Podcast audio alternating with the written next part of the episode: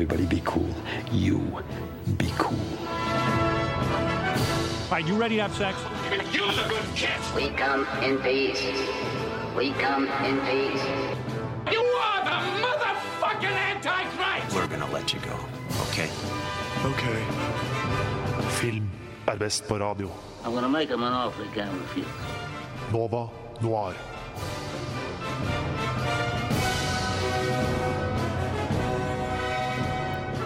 Hallo og god morgen, Radio Nova. Du hører på Nova Noir.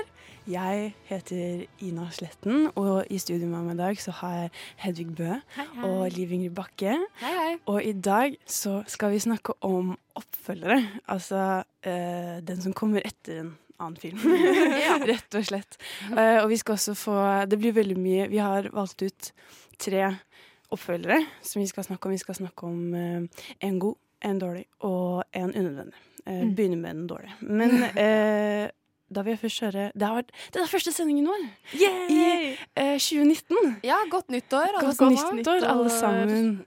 Hva har dere Vet du ikke hva har du sett siden sist? Og jeg har sett Alt så mye. mye. naturligvis. Nå har det jo vært Ja. jul og lang ferie, og da har det endelig vært tid til å se masse greier. Men jeg har valgt ut én serie som jeg tenkte å snakke litt om. da. Og det er en serie som ligger på NRK. NRK TV, Ja. som heter Das Boot. Og det er sånn Das Båt, eller åssen du har lyst til å si det. Er den tysk? Den er tysk, Den er tysk. men den foregår også litt på fransk og litt på engelsk. Hva Det er litt handler- sånn, Hva handler den om? den handler jo om da andre verdenskrig og ubåter og masse gøy, og så er det en på en av ubåtene som er en tyster, og han har en søster som er igjen i Berlin, eller er det i Berlin? Jeg husker ikke. Som da må på en måte leve med konsekvensene av hans tysterhet. Og det er ganske spennende. Apropos ubåt. Ja, det jeg ikke har sett, men skal se Mm. i morgen, er Jeg skal på opera eh, som elsker heter Billy Budd, og det skjer også på en ubåt. Og jeg syns det var en morsom eh, kobling der. Okay. Og den skal tydeligvis handle litt om sånn maskulinitet og, og uh, seksualitet. Der er sånn, Mm. Billy Budd kommer liksom på den ubåten, og så er han dritkjekk, og alle mennene blir sånn åh, følelser. Mm. Og så er det, men så er du en sterk mann samtidig, og da blir det litt vanskelig. Ja, ikke sant. Det er veldig gøy. Jeg liker veldig godt eh, ting og filmer og serier som handler om andre verdenskrig, for det første. Og også da, hvis det er ubåt i tillegg, så blir jeg lykkelig. Så da, Alt du trenger er en ubåt og litt andre er verdenskrig. Men det er veldig gøy, for da, det er liksom, jeg og pappa bonder over det. da. Vi sitter og ser på det og syns det er veldig gøy og stilig å se Ja, på. Og så spør jeg pappa, for han eh, tjenestegjorde på ubåt. Så da spør jeg han Oi. om det stemmer. Var det sånn, pappa? Oh, ja. Og han kan si ja, ja, det var veldig Ja, ja, ja. akkurat sånn det var da jeg var ung. Ja. Hva med deg, Liv? Hva har du sett? Og nå skal jeg ras eh, ramse opp jækla kjapt, eh, og så skal jeg snakke om eh, en eller to eller tre serier. Men jeg har jo kosa meg med, i jula med to julefilmer. To. Mm. Home Alone 2 og Tre nøtter til Askepott. Utenom det så har jeg selvfølgelig sett Bird Box, som hele Ah, verden har. Kontroversielt. vi skal snakke om, for da blir det heftig diskusjon. Så jeg har sett Nothing Hill for første gang. Er det sant? Ja. Åh, Notting Hill, ass. Den Og er- så Mm.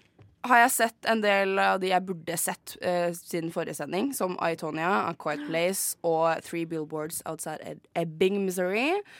Og så har jeg sett Kometen, som jeg var statist i. Eh, Project X, fordi jeg skulle hype meg opp til nyttårsaften. Så så jeg den derre Bandersnatch, uh, Black Ja. Mirror-greia. som Åh, den er dritkul, faktisk. Og så så jeg også fri Frihetens regn på nytt, og Mhm. Maleficent. Men jeg har sett uh, da tre serier som jeg har runda første sesong av. Uh, blant annet Lykkeland, som eh, jeg kunne tenkt meg å snakke mer om. Men jeg har også sett You og Sex Education, som var skikkelig lættis. Jeg, hadde også, jeg vurderte skikkelig lenge å se You, men så så jeg at eh, Netflix hadde en eh, De la ut en sånn screencover, og da hadde de en skikkelig kjip eh, autistvits, så da har jeg boikottet den. Oh, ja, ja, Lillebroren min er autist, så jeg syns det ja, var litt fælt. Så det er litt unødvendig. Ja. Men- Nei, av alle de tre seriene så likte jeg vel kanskje den minst. Altså, jeg syns den var bra, men den var litt sånn kjedelig innimellom. Og så Mm. Mm. Ja. Men uh, Sex Education var ganske Har dere sett eh, uh, oh, herregud. Har dere sett eh, The End of the Fucking World? Ja. Ja. For det er litt sånn vibes jeg får av den, på en måte. Det er liksom litt Mm. samme stil og samme musikk. Og det er det som Altså, jeg syns jo det er veldig kult, for jeg liker jo begge de to veldig godt, men det er litt sånn derre Det blir litt for likt. Men jeg anbefaler å se den, for den Nei, jeg ble helt sånn på slutten her, så jeg skal ikke spoile noen ting, men jeg ble helt sånn satt ut, for jeg bare Å, det skjedde! Det var veldig gøy. Men jeg har sett på det bildet på Netflix liksom, av den serien, hvor det da sitter en fyr, og så skal han i, i klasserom tre på en kondom på en sånn greie, og da fikk jeg bare sånn Så jeg bare Den skal jeg ikke se. Den skal ikke du se. Nei. Nei, da har vi fått litt sånn forskjellige oppdrett hva alle har kost seg med uh, siden, uh, siden vi slutta. Men, uh. Og vi skal nå fortsette litt på oppfølgersnakket vårt. Eh, men jeg tenkte først kan vi høre en liten sang. Eh, 'Fevery' av- med Shaw. Det var da 'Fevery' med Shaw. En utrolig vakker sang på den nye A-lista Mm. til Radio Nova. Og nå skal vi snakke litt om oppfølgere, fordi planen i dag da, er at vi skal få to anmeldelser. Vi skal få um, anmeldelse av The Favourite og anmeldelse av Glass. Og det er derfor vi har oppfølgere som tema i dag, fordi Glass er en oppfølger av Unbreakable. Og, og Split, som kom ut i fjor, er også en uh, del av det universet. Men det skal vi snakke om mot slutten av serien. uh, det vi skal ha i dag, er at vi skal snakke om tre oppfølgere og de originale filmene. Så uh, etter hvert så kommer det, vi begynner med eh, en de originale, og så kommer de oppfølgerne i radiet etterpå. Men oppfølgere hvorfor, altså, Det er så jævlig mye oppfølgere. Hele dette Ja. året er stappfulle med uh, oppfølgere. Det er uh, Now You See Me, How to Turn Your Dragon It, The Nun, uh, Zombieland, Frozen 2 kommer. Å, herregud. Sånn, hva er det, hvorfor må vi lage Hva er greia med oppfølgere, liksom? Hva er greia med oppfølgere? Nei, men jeg tenker sånn, Det er greit å ha liksom, oppfølgere etter en, en eh, slutt som eh, liksom byr på noe mer. da Sånn derre Å ja, oi, hva skjer egentlig da? Sånn som De utrolige, for eksempel. Der starter du seriøst tre sekunder etter det slutta. Sånn, det er ikke sånn fem år senere. Og da, det, det tenker jeg sånn Nice oppfølger, liksom. Det er en oppfølger. Men hvis du skal begynne å lage nye filmer, som vi kommer til å snakke litt mer om etterpå, da er det ikke en oppfølger. Da er det bare å skifte navn og lage en ny film, tenker jeg da. Det som var kult med Incredibles, var, eller trist, var at grunnen til at den ikke fikk en oppfølger, var pga. pengene, rett og slett. Ja, Og da var det, skjønte man at ti år etterpå så var hypen Ja. fortsatt der. Og da lagde de den. Og det er en veldig kul måte å fortsette eh, en film på. Det eneste dumme med The Incredibles, syns jeg, jeg var og så den, og det er jo at de, det som på en måte er den obvise oppfølgeren, den her The Underminer, som er et genialt navn på en supervillain, men ja, Han- den ja. han bare De defeater han jo ikke. De bare liksom, Han får jo til å stjele og liksom Du har lurt i ti år. I ti år! Så er det bare så gleden gleder at De skal bare komme dit og skal bare ta The Underminer og liksom show the world who's the boss, og så bare Nei. Men det som er gøy de opp igjen i det det som er gøy med den filmen, er at vi som på en måte har vokst opp med den filmen, er mer hyped på å se den enn det kidsa er, på en måte. Det er Det er veldig gøy. Den er jo Men, kanskje litt mer for oss. men sånn som Istid, da. Der er det hvor mange filmer er det nå? Seks, sju, Fire, fem. Fem eller seks. Jeg har ikke sett den siste. Men der tenker jeg sånn herre Jeg syns jo det er en sånn grei film å ta oppfølger for. Fordi at det blir bare bedre og bedre, syns jeg, da. Men jeg føler eneren er jo eh, stikk motsatt. Hvis du ser på, fordi eneren handler jo egentlig bare om sånn om istid. Jeg Ja, syns den er dritbra, men sånn toeren, tre Altså de andre de er mer sånn gimmicky og mer Mm. sånn lættis. Men jeg syns eneren er en skikkelig seriøs og god Ja, det er faktisk sant. Det er forskjell på de, ass. Det Og du er- lærer masse om sånn Altså ja, den var mye mer ekte da. Følte jeg. Det er en veldig dårlig Ja, forklaring, nei, men jeg likte den mye Jeg skjønner hva du mener. Ja. Det er mye bedre historie. Den er det, ja. si. Mer Historien er der, film. og så blir det mer lættis. Mm. Men, uh, Men sånn som du sa, at det er en oppfølger hvis det er liksom obvious at det skal komme noe etterpå. da Hvis Mm. slutten tilsier det. Men det er noen filmer som gjør det shamelessly og veldig dårlig. Sånn som Det i den nye. Robin Hood-filmen. Hvor det bare liksom De tillater seg å si at det kommer en film til.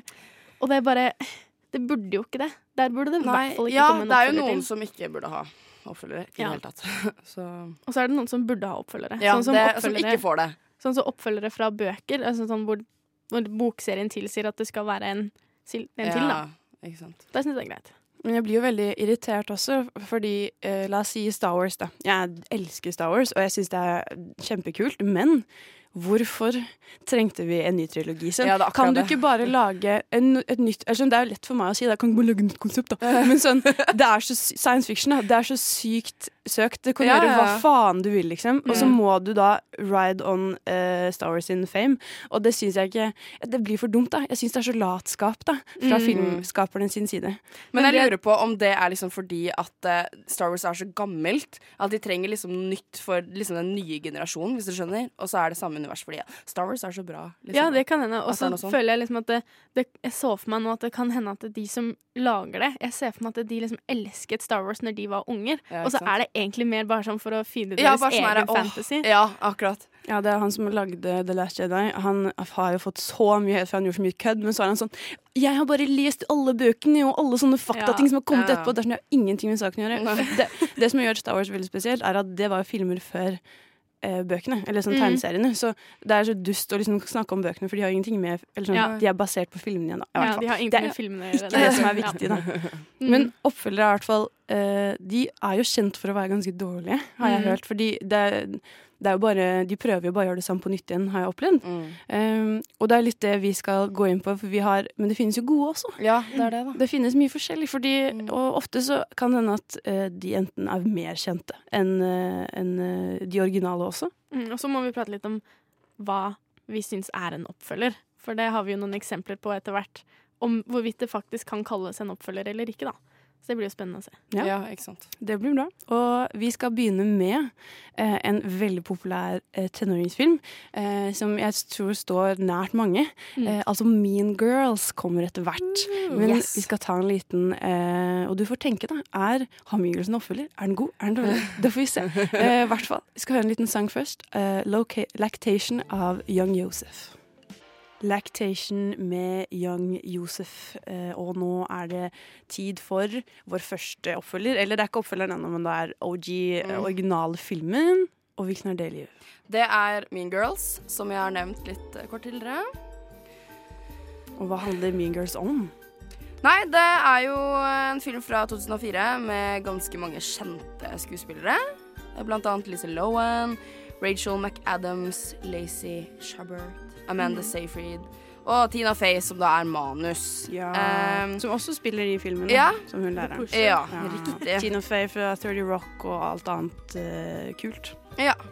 Nei, kort så handler jo filmen om eh, 16 år gamle Katie, eh, som eh, eh, flytter til Evanstone i Illin Ill Illinois. Herregud. Etter å ha blitt oppdratt i Afrika. Så hun er jo da fra Afrika. Så begynner hun da på en skole sånn for første gang, for hun er jo homeschool, da. Eh, og da møter hun eh, et ganske nytt liv som hun ikke er vant til i det hele tatt. Så får hun seg to venner, eh, Janice og Damien, som ikke er sånn spesielt populære. Eh, og så møter hun da den klikken The Plastics, altså de populære jentene på skolen, som eh, lar Katie bli med den klikken etter hvert, da. Ja. Og så er det målet hennes å knuse de. Innifra. Ja. Litt sånn tro trojansk hest. Veldig Ja. trojansk hest. Det jeg alltid har likt med Mean Girls, er at den er jo en klassiker, på en måte. Eh, og det, den er jo eh, Kanskje ikke så PK i dag, men sånn, det jeg syns er så kult med at det er jo åpenbart en veldig tydelig parodi og kødd på uh, videregående. Men jeg Mm. følte at den er veldig accurate, eller sånn riktig også. Ja. Jeg følte at vi var skikkelig frekke og kalte hverandre horer og fitter på videregående. Folk var slemme, liksom. Så jeg syns at ja, Mean Girls er en veldig overdreven person, men jeg føler også at jeg kan, jeg kan se Ja, ja. karakterene, da. Selv om vi liksom ikke har eh, det samme systemet på Mm. videregående her i Norge. Mm. Jeg har jo snakket om det tidligere også, blant annet da vi snakket om Skam. At dette, dette sånn var ikke min videregående hverdag. Nei, og igjen så må jeg si at Mean Girl har aldri liksom truffet meg sånn hardt i sjela. Det er mange som elsker Mean Girls og syns den er sykt lættis. Enten så elsker de den fordi de relaterer seg til det og syns det er gøy, eller så er det, syns det er lættis fordi den er jo på en måte gjør jo narr av seg selv litt også. Ja, men det er det som er, for dette er jo kanskje en av de mest sit sit, eh, Siterte. siterte filmene i eh, the history of the movies. doesn't even go here! Hvordan er den If derre you're from Africa, Ja, why are you white? Exactly. Oh my god, Karen, you can't just ask people why they're white. Det altså, det er så mye sånn Sånn ordentlig sånn satirisk, er det ikke det? Liksom masse ironi som bare sånn alle elsker. Og så er jo bare Den kunne ikke bli laget i dag. Det er det som er så Ja, sykt. Og så- det er akkurat det. men det er det jeg liker så godt med henne. Tina Fey er så utrolig flink, fordi måten hun mot slutten da gjør det til en litt sånn Hvem er det som er slemme med hverandre her? Alle. Hvem, Mm. Ja, det. det er liksom, Man får den lærepengen nå. Da. Sånn, ja, det er skikkelig gøy å se folk være slemme, men det er ikke så gøy når det skjer med deg. på en måte Og det synes jeg faktisk Når jeg så den eh, igjen nylig, så ble jeg sånn Faen, jeg ble skikkelig rørt. Jeg ble veldig sånn, Den er jo sykt uh, teit, men samtidig jeg føler jeg det ble påvirket. Ja. Mm. Jeg, hadde sånn, eller jeg tenkte på Tina Fey, og jeg syns hun alltid klarer det. Tina Fey, som har vært med å skrive den, Mm. er jo kjempeflink til det. Hun gjør alltid det. Hun klarer å mikse sykt festlig humor Ja, med det. faktisk en god lesson, liksom. Du lærer faktisk noe av filmen, ja. det er ikke bare lættis. Sånn som i Babymamma og sånn også. Ble stille. Mm, har ikke sett. Um, Tilbake til mean girls. Men eh, hvis man skulle snakke om da at den kunne hatt en oppfølger Den har jo en oppfølger. Ja, den- spoiler, spoiler. Eh, Men på en eh, måte. eh, følte dere at det var nødvendig når dere hadde sett denne filmen? Nei. Uh, nei, egentlig ikke. Altså, det kunne jo vært en slags oppfølger på Altså, da ikke Det kommer jo til, da. En eh, standalone eh, sequel som vi skal snakke om senere. Det kunne jo vært en faktisk oppfølger av det som skjer etter hun ble påkjørt av bussen. Og så Ja, det som er med den er at det er jo ganske lett å legge på en oppfølger, egentlig. Hvor man kunne ha fortsatt historien hennes og sett hvordan ble det på college, da, for Ja, eksempel. men så møter hun på jo... det samme der. Vært superunødvendig. Ble hun sammen med ble hun og Aaron fortsatt sammen? Ja. Ble Virginia George mm. eh, sportsutøver? Altså sånn, det er så sykt mange spørsmål. Og Ja. Er hun emoen fortsatt sammen med han mattenerden? Det er sånn som som jeg bare satt og var veldig sånn forvirret over. Sånn, Sånne Ja, ting da er sant, kunne de ha spilt videre på. Uh, og det er det da som hadde vært litt eh, kult om de hadde eh, fått til det. Men, Det kunne jo faktisk kommet en, en toer som på en måte fortalte litt om det, da. Det Ja. har det ikke.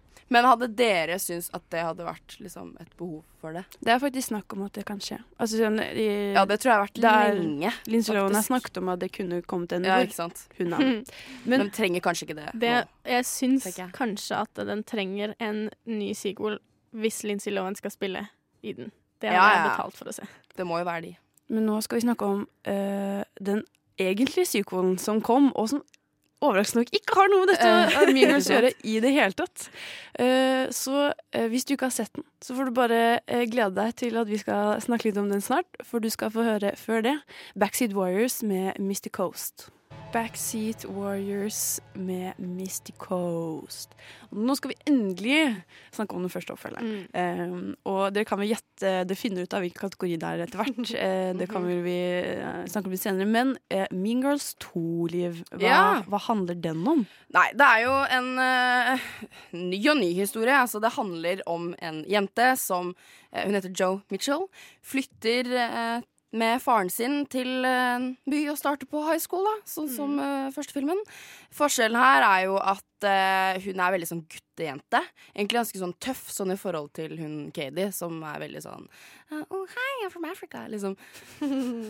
Så møter hun på en uh, jente som er veldig sånn Veldig mobbeoffer for da The Plastics, som er også der. Ehm, så får hun betalt for å være venn med hun som heter Abby. Uh, og så blir de venner, og så uh, ja. Ja. jeg vet ikke om jeg skal spoile, men ja. are back. So embarrassing how much they love me. I'm gonna vomit. It's their world. Stay down there and don't ever look at me again. But now it's her turn Who's she? There's tons of comments. All the guys think she's hot. to get even. This is war. No, the plastics are goddesses, and Mandy can ruin you. Hey, Abby. Mean Girls 2, altså. Og eh, her som er det som også er annerledes her, er jo det er jo ikke Tina Fey, som vi snakket så Nei, sykt mye om det sist. Ikke samme regissør, ikke Mark Twain, men eh, Melanie Mayron er regissør for denne filmen. Mm. Og det er jo ingen Jeg vet ikke, jeg har jo ikke sett den, men De har hele tre stykk som har skrevet manus. ja, det er godt Så gjort, det, det er godt gjort. Men er det ingen eh, Er det ikke noe gjensyn med noen av de med den gamle casten? Vi har jo altså sånn cirka alle som eh, har store roller i denne filmen her, er fra Disney Channel. Som blant annet hun som spiller Joe Mitchell, eh, Megan Martin fra Caprock. Så har vi Jennifer Stone fra eh, Wizards of Will Waverly Place. Det er et eller annet som skjer med engelsken. Waverly Place. Eh, Mayara Walsh, eh, Walsh Er mulig? Fra Corey in the House. Den har dere sett, sant? Yeah. Ja. Så har vi Nicole Gale Anderson fra Husker dere Jonas? Den Jonas Brothers-serien. Ja. Hun er også fra Maker og Breaker. Og så har vi hun Clary Holt fra H2O. Ja. Så dette er jo et klassisk eksempel på at eh, Disney eller en eller annen sånn kanal har bare Ja. tatt et tenåringskonsept og bare prøvd å tjene, melke det så mye de kan. da. Det er basically Disney Channel-film. Men så har vi én som er fra Mean Girls, altså eneren. Og det er han rektoren. Altså han som eh, Ja, han heter Tim Meadows. Så Mm. han er den eneste fra original cast. Så det er liksom på samme skolen, da, eller? Ja, det skal visst eh, være noe sånn, da. Men ble han sammen med Tina Fey? Fordi de Nei. hadde jo et moment hvor de ble sammen. Nei, det er det som er da ødelegger jo hele oppfølgermomentet. For det her er jo en sånn standalone-film. Det bare, det skal liksom være samme greia. Men egentlig så er den veldig forskjellig. Utenom at det er en jente som flytter og eh, blir interessert i en fyr som, eh, som finner ut at hun endrer seg fordi at hun skal prøve å liksom bli bedre enn The Plastics. Og The Plastics er jo The Plastics, på en måte. Men det er veldig mye sånne andre greier som er litt forskjellige, da. Hvordan da? Nei, for eksempel Plastics. Da har vi jo hun eh, som spiller Mandy, som er sånn typisk den rike, pene. Eh, så har vi også eh, Charity. Char char Charity? Nei. Vet ikke. Chas Chastity. Jeg måtte faktisk google det, for det var vanskelig. Som er sånn herre superdesperat jente som har litt sånn sex-drive, som er veldig lett på tråden og bare hooker opp Er det med hun alle eh, gutter. fra H2O? Ja, det er hun fra H2. Mm. Clary Holt. Mm. Så har vi Hope, som er sånn superhypokonder, redd for bakterier og alt sånt der. Uh, og så har vi da Tyler, som er han sjekkegutten, da. Som uh, er interessert i mekanikk, som også hun eh, Joe er, da. Fordi at uh, faren er mekaniker, så hun er veldig sånn guttejente. Så syns jo alle at hun er pen, og da blir jo de der uh, The Plastics supersjalu. Og egentlig prøver de å bli venn med henne, men hun er sånn no thanks. Uh, Ja, for hun- der er det henne som bare ikke vil ja, ha henne. det er det, det er det som er forskjellen, da. Fordi uh, Lindsay Lohan i første filmen er jo veldig sånn ah, OK, yeah. Hun vet jo ikke hva hun driver med, liksom. Mens Nei. hun andre er bare sånn supertøff og bare no, Ja, for det er you. kanskje en av hovedforskjellene. Det er at i, Mm. I Mean Girls så er det jo hele greia at hun prøver å passe inn. Hun vet ikke Ja, ikke hvordan, sant? men hun prøver å passe inn. Og Ja. det er da vi får denne scenen med disse her dyrene som er det hun kjenner. holdt jeg på å si. Ja. Og så i denne her så er det jo helt motsatt, for der prøver hun jo virkelig. Hun bare 'jeg skal bare overleve dette', og ikke måten jeg gjør det på, er å blokke alle ut. Ja, Det eneste hun har i tankene, er å komme inn på den drømmeskolen hennes. Mm. Eh, og alle som ser at hun liksom eh, eh, sier nei takk til The Plastics, eh, blir jo sånn her Herregud, at du tør! Og så Mhm. blir de venner med hun da, på grunn av det, liksom. Så Men eh, vi snakket jo litt om moralen i Mean Girls. Og det, føler du at det var en moral i Mean Girls? Sånn som det at hun inne på drømmeskolen sin, var det noe fokus på sånn Vær deg selv! weh», Eller sånn et eller annet sånt? Da Jeg ble sjokka over hvor mye mobbing det egentlig er i den filmen. Altså Det er sånn drøyt sånn i forhold til Mean Girls 1, syns jeg, da. Det er sånn herre Det er ikke sånn herre uh, I hope you kill yourself. Men det er sånn herre De er så slemme! Sånn herre skikkelig teit slemme, liksom. Jeg sitter og bare Faen, hvorfor gjør du det, liksom? Så de, Men- mis, så de mister ut på det som Mean Girls var jo frekt, men morsomt på en måte. Ja, litt sånn, men det her syns jeg ikke er noe morsomt. Det er, sånn Det er her, det er så drøyt. Det er sånn ja. Det fins faktisk folk som er så slemme. De er skikkelig De lever opp til navnet, da. Mer enn i originalen. De er skikkelig mean girls, liksom. Men det jeg syns den her ikke gjør like bra, er at den, den overkarikerer karakterene. Holdt jeg på å si. De er jo bare, og alle er skikkelige typer. Sånn som hun ene er jo hun pene, ikke sant. Pene, ja, rike. Hun andre er hun eh, eh, germophobe. Holdt på å si homofob, det, det, vet- det vet jeg ikke om. Det det. Men germophobe. Det er på en måte ener nå, da. Men Ja. homofobisk. Det. Ja, ja, og hun andre er Hun siste er megadum. Og Ja, i det. eneren så klarer hun megadum å spille megadum Ja! på en sånn morsom, subtil måte. Ja, så det det bare hun. Er megadum, det er gøy. Og så får her folk så er hun respektere henne for det òg. Folk er veldig Ja. sånn OK. Ja. Og hun står i det og liksom bare Ja, hun er megadum, og det, hun får det til å funke, liksom. Mm. Mens i den her så er hun bare megadum. Men det som overrasker meg, er at de ikke blir liksom tatt for å være slemme og gjøre ting. Det er sånn herre at ting er så dumt. Det er sånn du sitter der og bare Hva Men hvorfor her, Hun- liksom? Hun ene kaster hunden sin i søppeldunken. Ja! Og så, åh, nei, det er så mye teit Det er skikkelig sånn Disney Channel-preg. Sånn teite ting som skjer. Åh, det er så Men dette er så sykt typisk sånn eh, En eller annen uh, regissør eller skribent har tenkt sånn 'Jeg kan gjøre det!' Mm. Og så prøver de, og så bare treffer de ikke. Nei, Det, bare, ja, det funker bare ikke. Men det er veldig mye sånn feil som jeg finner. Som blant annet, uh, som jeg nevnte litt kort i stad for dere før sending, at når Tyler, han sjekkeduden som hun Joe da blir interessert i fordi de er i samme klasse, drar til slutt på en date. Og så viser de bare montasjebilder av daten, og så var det faktum at de ikke har penger til å liksom vise hvordan den daten går. Helt til vi da ser at de sitter i bilen, spoiler, og så kysser de, og så finner de ut det hele skolen dagen etterpå at de har kyssa, eh, og at hun da er jomfru. Og da er det sånn Det er så teit, for at hun har klart å stå opp for seg selv for sine valg og liksom sånne ting, men så bare løper hun ut, så begynner hun å grine. Det er sånn derre Ja, men hvor skal du begynne med det nå? Blir Ja. du så redd for folk bare av det, liksom? Det er sånne, det er sånne ting som er litt sånn Det henger ikke helt på Mm, greip. Nei, det gjør liksom. ikke det. Men føler du at den har rett til å kalle seg altså, Er det en oppfølger? Sånn, vil du, hvis du ikke visste at den het Mean Girls, hadde du skjønt at det var en oppfølger? Nei. Du hadde jo blitt, hvis, du, hvis den ikke het Mean Girls, så hadde du jo stussa over at det var helt likt Mean Girls. Ja, men det var det jeg tenkte sånn Før jeg så toeren på nytt igjen i går, så tenkte jeg sånn Herregud, det er jo helt likt, bare at det er én eh, person ekstra, og så heter de noe annet, og så er det det som skjer. Men den er egentlig ganske annerledes, syns jeg. Men det er samme konsept, bare at Altså, de kan jo ikke gjøre det helt likt. Det går jo ikke. Men det er liksom sånn Joe og Tyler, de, de, de kysser, og så eh, blir hun fornærma, og så blir de sammen igjen, og så blir hun Joe en av The Plastics, bare ikke med The Plastics. Det er liksom forskjellen der. Så Mm. hun ender opp med å bli skikkelig mean girl, og da sier han Tyler sånn uh, You're becoming just like The Plastics. Og så sier hun sånn eh, No, og så blir det slutt, og så blir de sammen, og så skal jeg ikke spoile noe mer, men det er sånn Herregud, Jeg har er lyst til å se det- Liv er det mulig? Hæ? Jeg vil lyst til å se Liv reenacte hele den. Jeg føler Ja. det var liksom stemmene på gang her. Det var veldig, Ja, det var veldig, gøy. Men en ting sånn annen klassisk filmferd som er så typisk sånn lavbudsjett sånn derre This is not a movie. Det er eh, Det var faktisk roomien min som nevnte det. Men på en scene der eh, eh, hun Mandy har tenkt å putte sånn derre eh, på pizzaen sånn at alle spyr fordi de skal Mm. ødelegge festen, Mm. så skjer ikke det. Eh, og så har hun på seg sånn halvskjede i, i liksom eh, konfrontasjon med liksom de, altså Joe og henne. Og så plutselig så er det borte! Og så er det på igjen. Og da er det sånn herre Der skjønner vi, der er det når det film. Det er sånne ting, da. Som er sånn åh, Hvis du ikke skjønte det, så var altså New Girls 2 en dårlig oppfølger. Dårlig. Ja. Inte bra. Eh, og- Bad acting og alt, egentlig. Så Mm. hvis det er en oppfølger du skal se, ikke se New Girls 2. Kanskje se den som kommer om noen år med Ja, Lindsay Lohan og Der det skjer. Reunion. Mm. Nå eh, skal vi gå videre på neste eh, filmserie, eh, som eh, jeg har gledet meg veldig mye til å snakke om. Eh, før det så skal du høre en av mine favorittsanger fra, eh, fra forrige semester. Eh, dame, 'Damer runker også' med The Camel Toes. Gøy.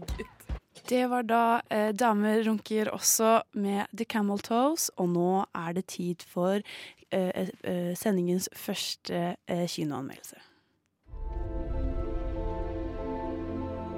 Nova Noir presenterer ukens kinopremierer.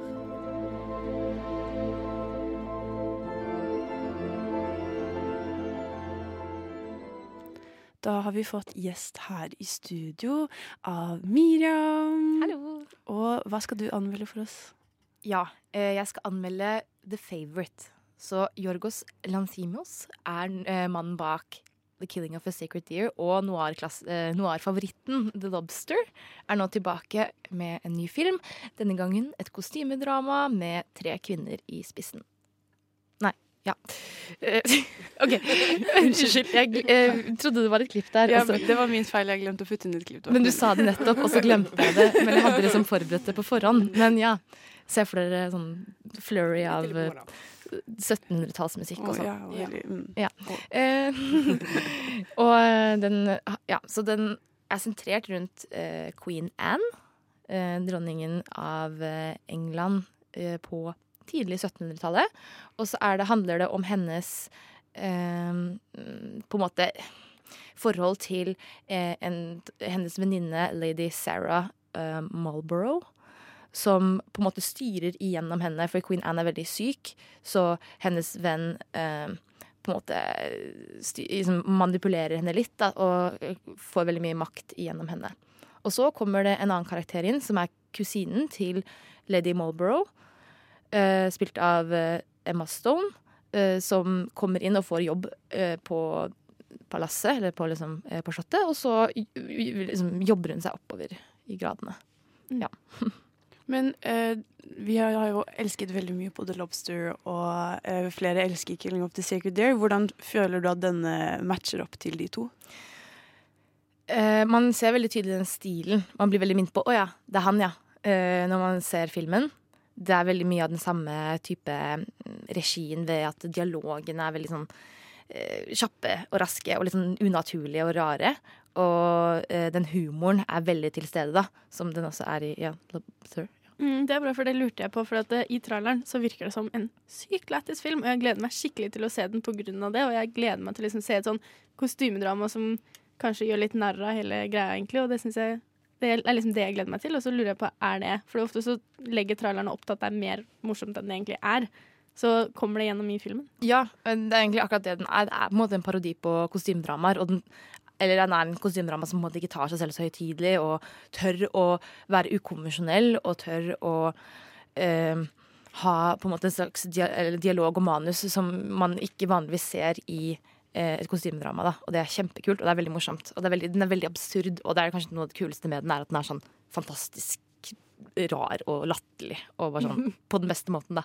Men The Lobster er jo eh, utrolig fjern. Den er helt absurd. Uh, og jeg har ikke sett The Killing of the Sacred Deer, men denne, har den noe grunnet i virkeligheten? Sånn Virker den sånn realistisk på en måte?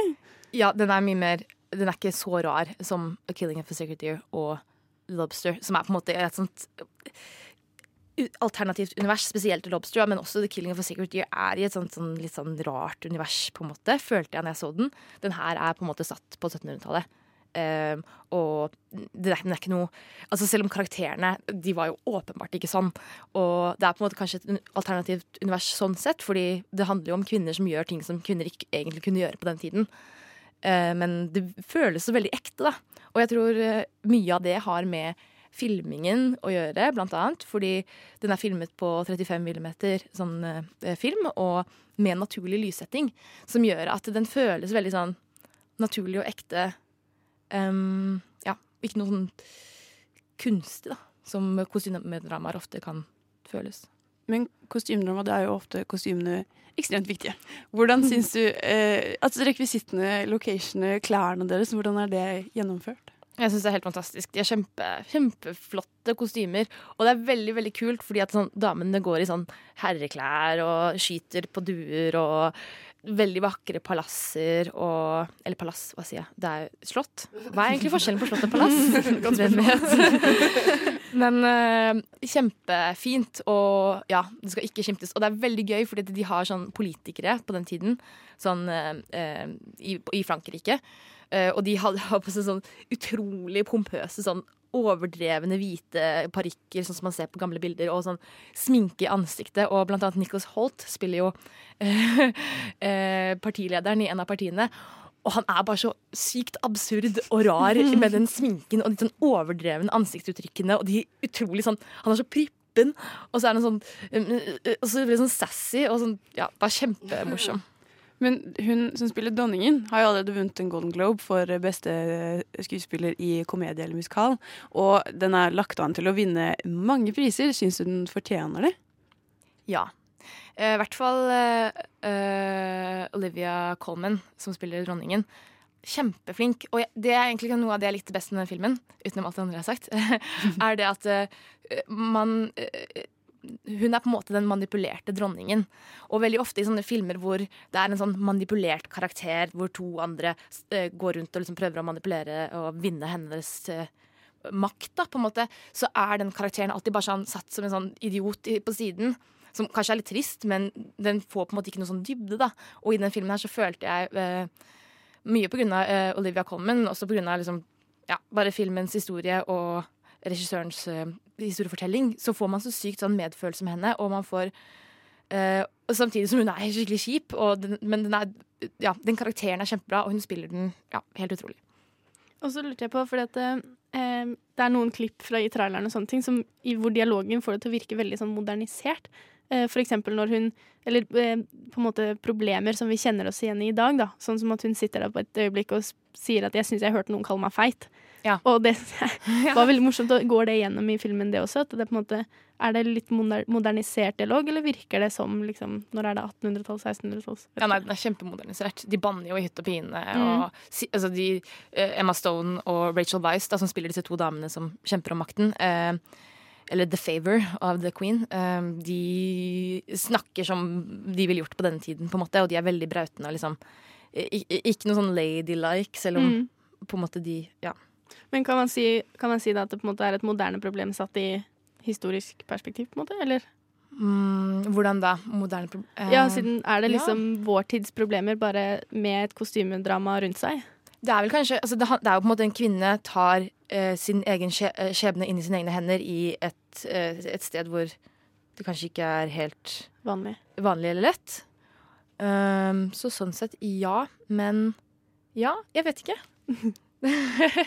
Men om du skulle gitt uh, filmkarakter, hva Ja. hadde du landet på? Shit, ass, jeg snakket jo ikke noe om hva jeg ikke likte. så nå ble det liksom vanskelig å forsvare den karakteren. Um, Vil du snakke litt om hva du ikke likte med den? Ja, bare litt sånn Jeg følte meg liksom Den var veldig lang, eller den var ganske lang, og jeg følte kanskje at den var litt for lang, at det var noen ting som kunne blitt tatt ut. Uh, men allikevel så følte jeg, når jeg var ferdig når jeg, når, vi, når jeg gikk ut av salen, at jeg følte at jeg manglet noe. At jeg liksom sultet på et eller annet. Og det kanskje kom fra at Emma Stone sin karakter, som på en måte er hovedkarakteren, da, i anførselstegn, eh, føltes litt sånn platt, eller forutsigbar, da.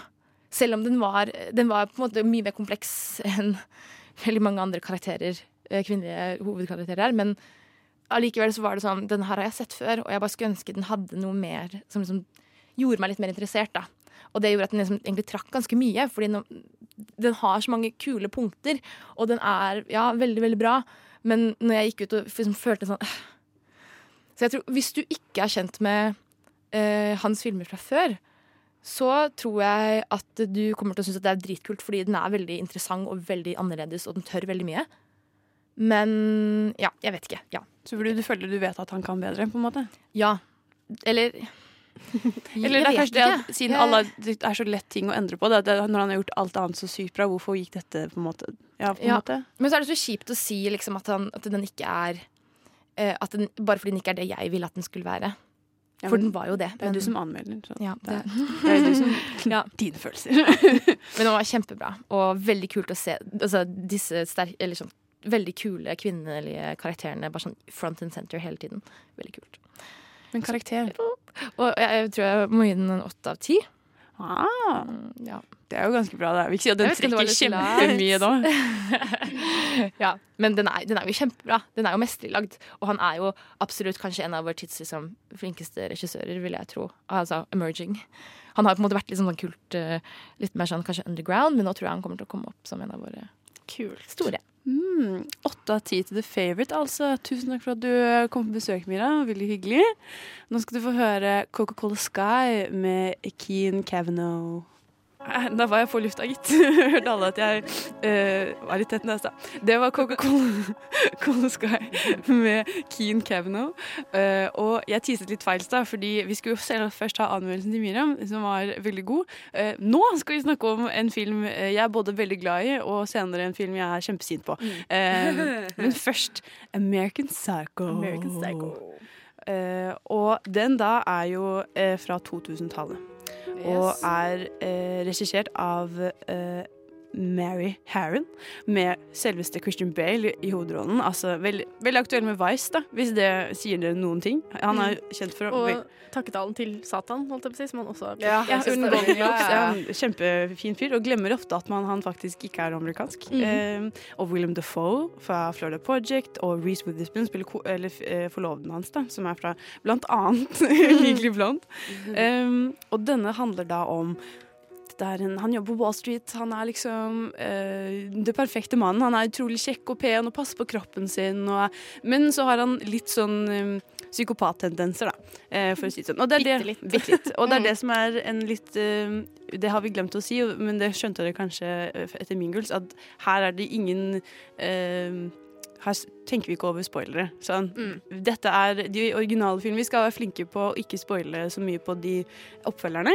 Men øhm, de originale er så gamle, og det blir vanskelig for oss å snakke om øh, oppfølgeren uten å ja. Så hvis du ikke har sett American Psycho enn, så Ja. får du bare Så i hvert fall spor det. I American Psycho så uh, følger du øh, Patrick Bateman, da, som Christian Bales karakter heter, sakte, men sikkert mer, blir mer og mer gal. Ehm, og dreper flere og flere mennesker uh, på en veldig jævlig måte. Eh, ofte prostituerte, men også folk på gata, eller folk han er sjalu på, eksempel, hvis de har bedre business card enn han. Ja. Sånn. Vi har også hatt en tidligere sending hvor vi har gått veldig dybde gjennom American Psycho eh, på en Pile of Shame med Kim eh, Hilton fra Noir, eh, så burde sjekke ut det hvis du vil høre litt mer dypdykk.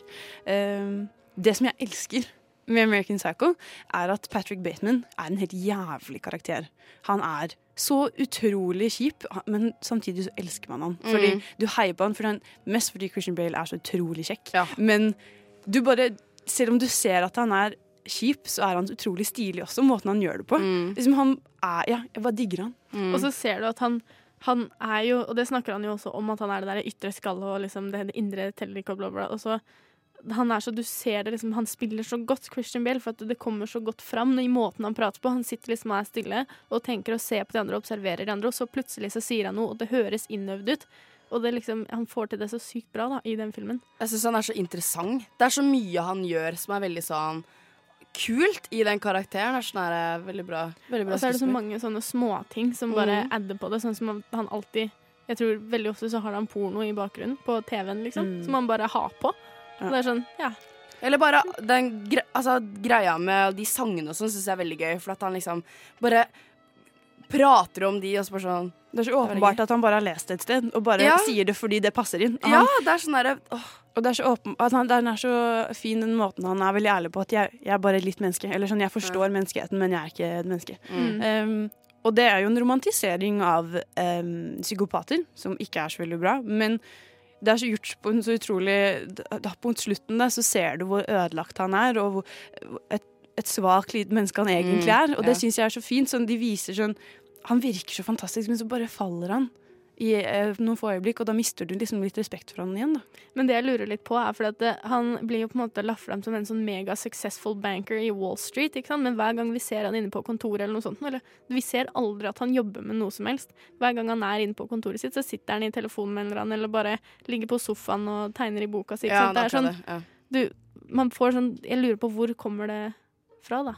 Han, jo, han sier jo det når hun Reece Witherspoon spør sånn Å, du må slutte der, du liker det jo ikke. Og så er det sånn Ja, men jeg må passe inn. Mm. Ja. Han er jo bare fordi faren hans eier selskapet eller noe. Det Så det. det gjør egentlig ingenting. Det er jo det at det er, en, det er jo konkurranse mellom Det er jo om å gjøre å bare ha de dyre tinga fordi at man skal være over de andre som har de dyre tinga. Det er jo derfor han dreper Ja, det er de så som er så sykt mye bedre. eksemplifisert i Ja. de her visittkortene. da. Det er så typisk. Og det som er, gjør meg så eh, det at Jeg visste ikke at American Psycho hadde en oppfølger, eh, og det er det vi skal snakke om etterpå. Men fordi den, slutter jo med at man ikke vet hva som skjedde. Eh, fordi Ja. du har sett eh, Patrick Bateman drepe alle disse menneskene, og så plutselig så bare skjedde, er det som det nesten ikke skjedde. At de menneskene han trodde han hadde drept, plutselig var levende, eller tilsynelatende. Og du blir sittende igjen med en veldig sånn forvirra følelse. Da. Mm, og så er det jo en del ting som, måte, som tilsier det, da, som bygger på den der forvirringen til slutt. Hva skjedde egentlig? Det, har dette her skjedd? Eller er han liksom, Han er jo åpenbart syk uansett hvis du dreper noen, men jo, det blir jo veldig tydelig lagt fram hvor eh, syk han er. da. Sånn som når hun, eh, assistenten blar igjennom adresseboka hans, og du ser liksom bare The Deep Descent into Darkness i den eh, boka, og så begynner man å lure på liksom hvor Ja. Hvor, eh, hvor, hvor går det ut? Går det sykheten ut, eller er den bare på innsiden? Ja. Følte dere da at uh, det var nødvendig å få en toer? Nei. Jeg kan ikke si at uh, du, hadde, du, satt jo ikke igjen, du satt jo igjen med det store spørsmålet, da. Hva skjedde liksom egentlig? Det ødelegger plot-twisten. hele poenget er jo å ikke svare på det. Ellers så Mm. hadde jo hun svart på det i slutten. Ja, da er det ikke noe vits med å ha plot-twist. For at du skal jo sitte og liksom Hva skjedde egentlig? Og så skal du liksom gjøre opp en mening selv, Det er sånn som om, om... i Shutter Island så kommer det en toer hvor det bare sånn Ja, her Sånn var det i Shutterland også, så lurer du på hva som Ja. egentlig skjedde. Ja, men da må jeg skuffe dere og si at det er en toer. Ja. Oh my God, I did not know this. Ja, ikke sant? Det er sjukehus. Men ja. Vi skal i hvert fall uh, snakke om toeren, som er helt unødvendig og uh, Dårlig. Ikke grei. Um, Og ja, jeg gleder meg til å kjefte på den. Uh, fordi American Psycho er en utrolig god film som aldri behøvde en oppfølger. Men før du skal høre oss være sinte, så skal du få lov til å høre en ny sang. I Want To Tell You av eh, Crispy. I Want To Tell You med Crispy. Og nå skal vi snakke om oppfølgeren til American Psycho, Uh, altså American Psycho 2. Uh, to. Toe. To. An All American Girl. eh, som er da eh, regissert av Morgan J. Freeman. Ikke til å forveksles med Morgan Freeman. Måtte faktisk, det måtte jeg sjekke opp. Jeg bare, hæ? Det hadde vært veldig gøy hvis det var Morgan Freeman. Ja. Morgan Han har lagt til en, en J veldig bevisst her. Men i hvert fall handler da om Du skulle tro det. Uh, uh, eh, Bateman, det gjør det ikke, handler om en jente som eh, var den som drepte eh, Bateman. Eh, og nå er målet hennes da å komme seg inn på eh, Quantico for å fortsette å drepe og fjerne eh, seriemordere. I was only 12 years old and I wasn't gonna let Patrick Bateman ruin my life. Why don't we stop there?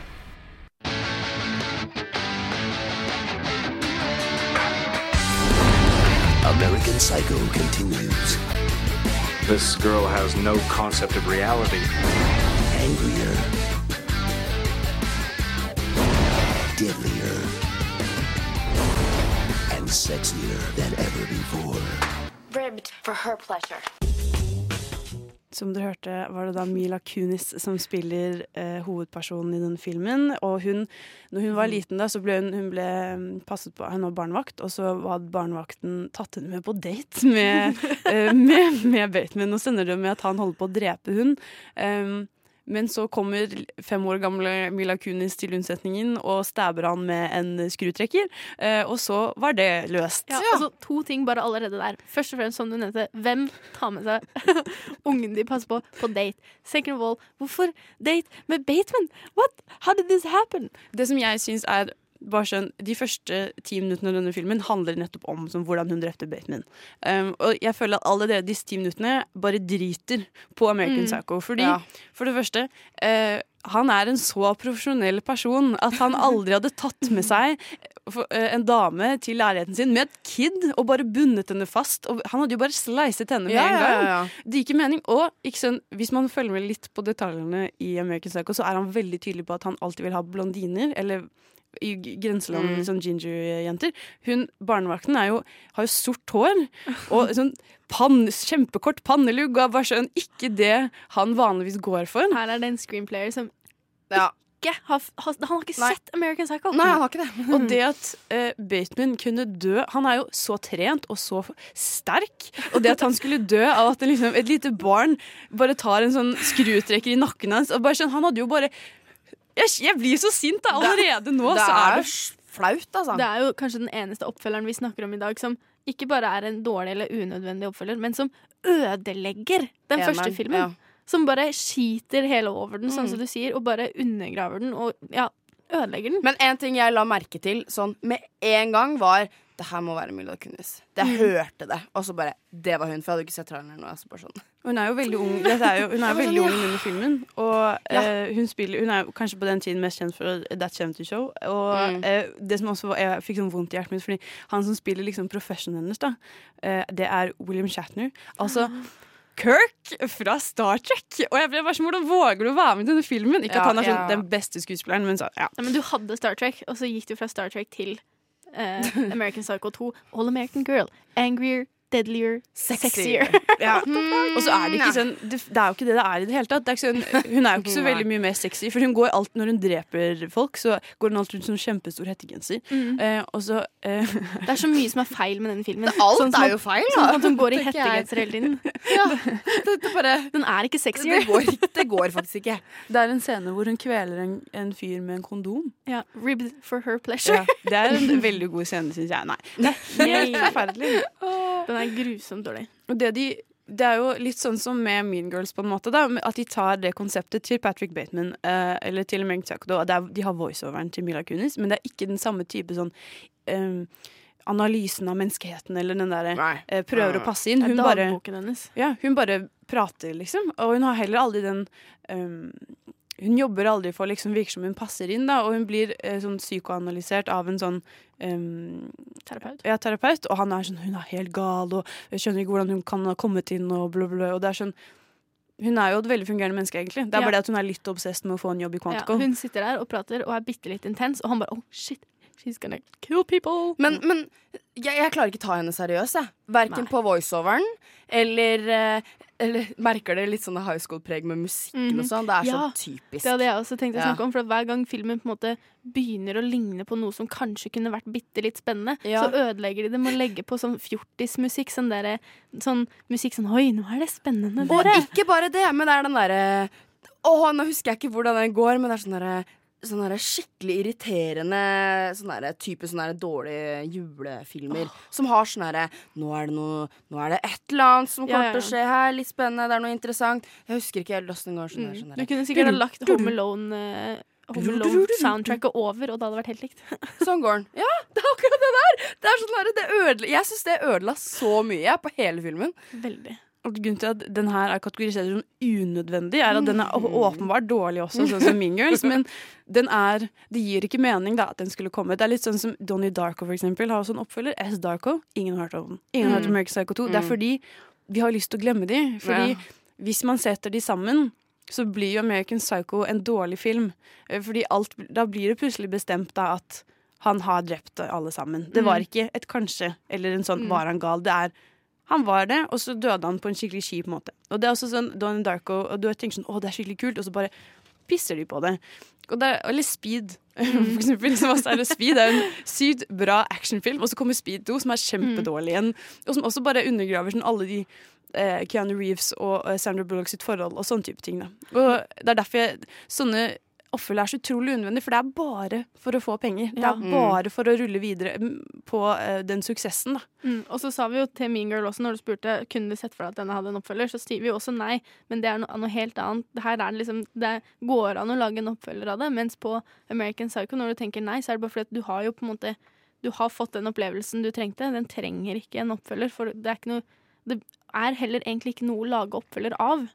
Samtidig så tenker jeg at det, hvis de først skulle gjort det, da hvorfor, hvorfor er hun ikke datteren hans? Eller sånn, en, en kvinnelig Baton hadde vært kjempekult, syns jeg eh, egentlig. Sånn, hvis man tenker på det. En litt sånn em, skikkelig kul dame som er veldig sånn veldig smart og veldig sånn em, ja, eh, kalkulert. Da. Jeg tror Mm. det hadde vært et, et veldig kult konsept hvis man gjorde det riktig, men det blir bare dust, da. De har jo ikke prøvd engang å få det til å bli en bra film, liksom. Men det er det som er da, at eh, hvis, hvis det skulle vært en oppfølger, så føler jeg det, da må det være samme person som har enten hatt regi eller manus eller whatever. Fordi hvis ikke så blir det jo noe helt annet. Og den, er jo, den er jo dårlig lagd. Det er liksom de der crossfade-bildene, og det er liksom det er så mye dårlig. Men én ting skal den faktisk ha, uh, som gjorde at jeg så faktisk hele. Og det var fordi at det var litt sånn tempo i den. Ellers så var alt annet ganske At det går ganske fort. Idiot. Det eneste Ja. det er også veldig mye sånn irriterende sånn slow-mo. eh, Sånn at hun går, og så er det sånn og så, Ja. ja. Og så har de prøvd å få noe som ser ut som en 14 år gammel jente, til å være liksom megasexy. Og det blir bare feil nei, inni hodet mitt. Nei, nei, nei. nei. oh, nei jeg klarer ikke Nei, men altså American Psycho 2 og alle sånne oppfølgere som bare Nei, jeg, blir, jeg kjenner at kroppen min gjør vondt, fordi Mm. det er liksom man sier man kunne bare lage en, en eh, litt sånn som eh, Jennifer's Body, som er kanskje litt det samme, da. Uh, som handler om en, en litt sånn gal tenåringsjente som dreper folk. Det er basically det her er. Det har ingenting med American Psycho å gjøre, og det å putte det navnet på denne filmen bare ja, Det var jo bare for å prøve å selge. Det er Vi kunne jo Ja, det- ikke hatt ja. med den delen i det hele tatt, og bare gjort det til en egen film. Jeg tenker det Jeg syns det var ille at hun bare har All American Girl, girl på genseren sin. Bare Mm -hmm. det blir for dumt. Ja. Og nå har vi snakket masse dritt, og vi har vært, sagt om dårlige filmer og unødvendige filmer. Nå skal vi endelig over på de oppfølgerne som er gode. Veldig gode. Og nå skal vi høre en annen uh, veldig kul sang av Courtney Barnett, 'Pedestrian at Best'. Verdens kuleste sang, 'Pedestrian at Best', med Courtney Barnett, uh, hadde vi der. Og nå skal vi snakke om uh, en originalfilm som jeg tror folk ikke helt visste at er en eh, Det er vel en prequel? Eller en, den Det er jo ikke det, det er Ja. jo The OG. The OG one. Mm. Og det er Manhunter Ja. fra 80-tallet. Ja. Og hva er det den handler om, Henrik? Den handler jo eh, om en eh, seriemorder som må tas. Og da, for å ta denne seriemorderen, så må FBI og politidepartement inn i det området må få tilbake sin beste FBI-agent, som er eh, den som eh, eh, I denne filmen, da, han ja, FBI-agent som er Han hadde egentlig early retirement fordi han måtte hjelpe til med å få inn en annen. Han er sånn behaviorist behavioralist, behavioralist eh, for FBI, eh, og hjelper FBI med å eh, lage profil på seriemorderne for at de skal klare å ta dem, da. Eh, og for å kunne ta denne seriemorderen, så må han tilbake til den forrige seriemorderen som han fikk innsatt, nemlig Hannibal Lecter. Og det handler jo da igjen om at han må få hjelp av Hannibal Lecter til å på en måte For det måten han gjør det på, er at han setter seg inn i på en måte hvordan de tenker eh, for å klare å ta de, og da eh, går han tilbake til den forrige han satte inn for å komme inn i den tanken igjen. Og hele filmen er veldig sånn at han, han går veldig inn i det å være seriemorderen og på en måte setter seg inn i hvordan de tenker og hva de ser og hvorfor de gjorde det de gjorde og sånne ting. Eh, og drar f.eks. til åstedene da, for å gå rundt og liksom være seriemorderen. Og det er veldig spennende. Og de teaser jo veldig i uh, løpet av filmen at han har, har vært syk. At Ja. han liksom har vært innlagt og sånn. da. for- Det fra den sier de jo veldig tidlig også i filmen, at han på en måte Han eh, tålte ikke det ordentlig. Å gå så inn i hjernen til Hannibal Lecter er jo det som på en måte har satt han ut av spill. da. Han FBI-agenten er at han måtte jo sette seg inn i tankemåten til Hannibal Lecter for å ta Hannibal. Og da altså, blir Eller, han jo en Hvem da. var syk? Så FBI-agenten Ja, okay, Will. Graham eh, er sånn behavioralist Mm. og lagde profil og setter seg inn i tankene for å da ta Hannibal Lekter. Ja, så går han helt bankers. Så han blir liksom sjuk, da. Han på en måte. har av blitt liksom, liksom, psykisk syk og har egentlig eh, pensjonert seg fra FBI. Mm. Men så kommer han sjefen og spør han om hjelp til å ta en ny seriemorder. Og da i utgangspunktet så sier han nei, jeg vil ikke dette. Jeg vil ikke, Ja. jeg vil ikke inn i det gamet igjen. Mm. Men han klarer å overtale ham å liksom vise bilde av familien som er blitt drept. da. Og, og så sier han OK, jeg kan være med, men jeg, jeg skal ikke snakke med noen, se på noen, liksom. Jeg vil ikke liksom ha den connection med noen igjen. Eh, men så etter hvert så blir det jo veldig viktig for han å ta den seriemorderen. Så til slutt så er han sånn OK, I'm gonna do it. Mm. Og han går inn og møter med Hannibal Lekter igjen, som sitter inne, for å komme inn i den der tankegangen igjen. da, Hvordan tenke seriemordere. Yeah. Og så spinner det jo videre derfra, da. Den er jo veldig 80-tallet, Mm. så man hører på musikken som spiller i bakgrunnen. Og det er en utrolig sånn klassisk 80-tallsmusikk med veldig mye synt og veldig mye sånn. Mm. Og den er veldig treig, og det er det jeg liker veldig godt med den. er at den er den tar seg tid, og det er det, det handler ikke om den spenningen, det handler om at du skal følge med på han. Og du Mm. tror hele tiden at sånn Du skal komme nærmere og nærmere. Det tar kjempelang tid før, Kjempelang tid. før uh, Tooth Fairy, da, som er liksom han uh, psykopaten, blir introdusert. Um, men det er en annen ting som jeg syns At den faller litt igjen. Fordi, og som også er veldig sånn klassisk 80-tall, men den, de prøver å liksom gjøre Tooth Fairy menneskelig. For Ja. de har liksom sånn blikk hvor han er på date med en dame, og at liksom man prøver å gjøre han litt hyggelig igjen. da. Ja, og det er jo eh, som Det skal vi snakke om litt senere også, i den neste i oppfølgeren. At det, det der de ligner litt der, da, i, den her, i hvordan seriemorderen på en måte er lagt opp. Og han seriemorderen her har jo hatt eh, traumer i sin barndom og sånne ting, og, og vil også utvikles. Og, ja, og det er sånn voyeurism, sånn som det er i den andre også. Ja, masse greier. Men det jeg eh, det som er, er at denne, Hvorfor det vi har denne filmen, som kanskje veldig mange ikke har hørt om, er jo at dette er jo da eh, den første filmen i Hannibal Lecter-serien, hvis man kan kalle det. Eh, så den er basert på den første boka i den serien av Thomas Harris. Eh, men det er jo ingen som har hørt om den. Og det er jo fordi den var ikke en veldig stor hit på 80-tallet. Den ble laget for 15 millioner dollar eller sånt, og spilte bare inn til 8 millioner. Men så har den blitt en en måte klassiker etter hvert, som man fant ut at eh, etter hvert som 'Silence of the Lamb', som da er neste film, som eh, ble megapopulær og megagod og liksom sånne ting, og så begynte folk å se 'Manhunter'. Mm. Så det er derfor man er det, er det oppfølger, er det ikke oppfølger? Det skal vi finne ut av etterpå. Den har jo falt litt i skyggen, kanskje, da. Mm. Blitt litt glemt, eh, rett og slett, av, etter at 'Silence of the Lamb' kom. Ja. Men her føler jeg at absolutt at det er nødvendig. Altså, sånn, jeg visste ikke at 'Silence of the Lamb' var en oppfølger, eh, Mm. men det gir veldig mye mening òg. fordi det som er litt kult, er at du, ser han, du får aldri se Hannibal Lecter ute og gå. Men dette er jo en serie om han. Eh, og inne, eh, selv om han er minimalt med, så får du liksom vite historien hans innimellom, da, og hvor mye folk idealiserer han. Eh, og det syns jeg er veldig kult, at man får Ja. Og så får du jo frem hvorfor han sitter inne, blant annet, som ikke kommer så godt frem hvem det er som satte han inn og sånt, da. Mm. Men da jeg så filmen, sånn helt filmwise på den originale her, så er det jo, som du sier, en veldig 80-tallsfilm. Musikken er veldig sånn slow. De velger liksom å ha veldig sånn eh, litt sånn Miami Vice-style, føler jeg, hvor det er eh, liksom stille på voldelige partier, og ja, det er merkelig valg. Og for meg så funker ikke det helt. Nei, så du likte den ikke For meg så var dette Den er nok Jeg kan se at den nok er på en måte Jeg har lyst til å si en filmanalytikers våte drøm, at det er jo masse virkemidler som er tatt i bruk, og det er sikkert kjempebra liksom gjort og innovativt. Og det, for meg så minner det litt om den eh, 2001 Space Odyssey av Stanley Kubrick, med litt sånn stille partier hvor du på en måte fokuserer veldig på mennesket, men likevel så gir ikke mennesket deg så mye, sånn som han Will Graham. Da. Han snakker jo veldig monotont og veldig sånn flatt følelsesløst. Og for meg så når ikke det inn. Jeg får liksom ikke nok av, av virkemidlene. Jeg må ha litt sånn mer relations enn det som kommer fram i denne filmen. Så for meg så var den veldig flat og kjedelig.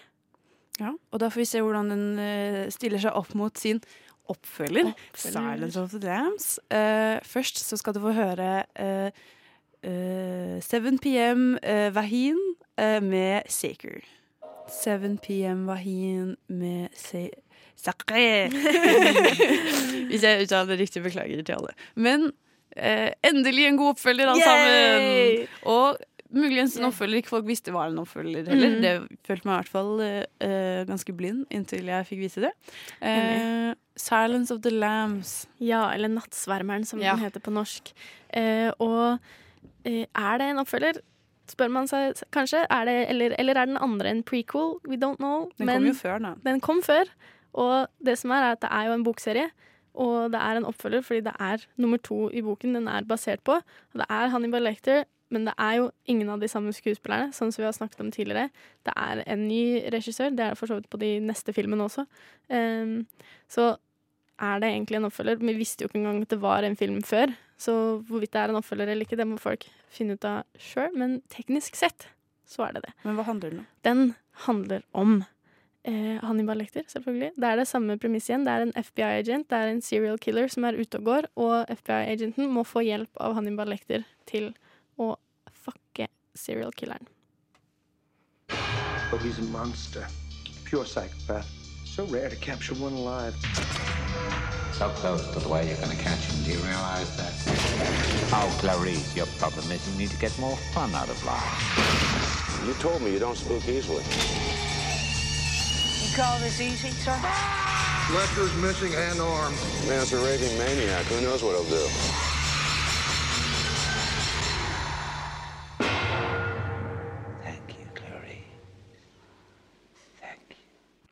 Men hvor mange år har gått siden Manhunter, egentlig? Vet du det? I filmen innspilling, liksom, eller nå i år? Nei, jeg mente sånn i historien, da. Fordi Ja. i, i Manhunter så ser jo Han- Hannibal Lecter relativt ung ut, men så har han blitt Ja. veldig mye eldre. Det har nok ikke gått så veldig mange år, fordi det er et eh, punkt De er jo ikke så I filmen så er de ikke så veldig flinke til å knytte den opp mot den første. Det kommer ikke tydelig fram i filmen at det er en film før dette. Eh, men i filmen så sier han at han har sittet inne i åtte år, eh, og jeg tror, mener det er åtte år han sier, og i den første filmen så har han jo ganske nylig blitt tatt, da. Så vi kan regne med at det kanskje har gått ca. fem år, eller noe sånt nå. Så ikke veldig lang tid. Men det er ca. så lang tid ut liksom, fra innspillingen også.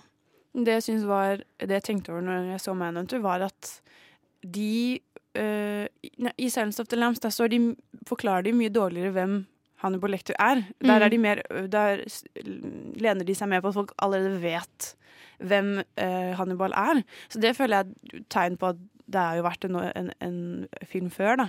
Ja, det kan veldig hende. Uh, det som også Det er jo ganske likt uh, premiss, på en måte, den her FBI-agenten som i denne omgangen spilles av Jodie Foster.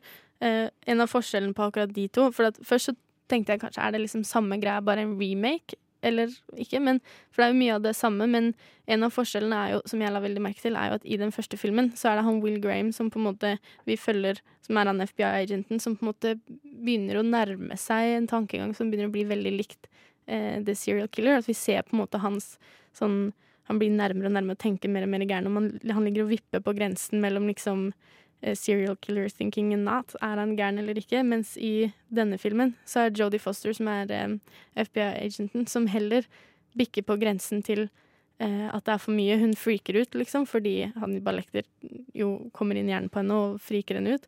Eller er hun hun tøffe FBI-agenten som liksom takler det, da? Hun ligger liksom hele tiden og vipper på den grensen, og det syns jeg er ganske kult sånn forskjell, da. Men har du en superkort plott-oppsummering her med uten spoiler?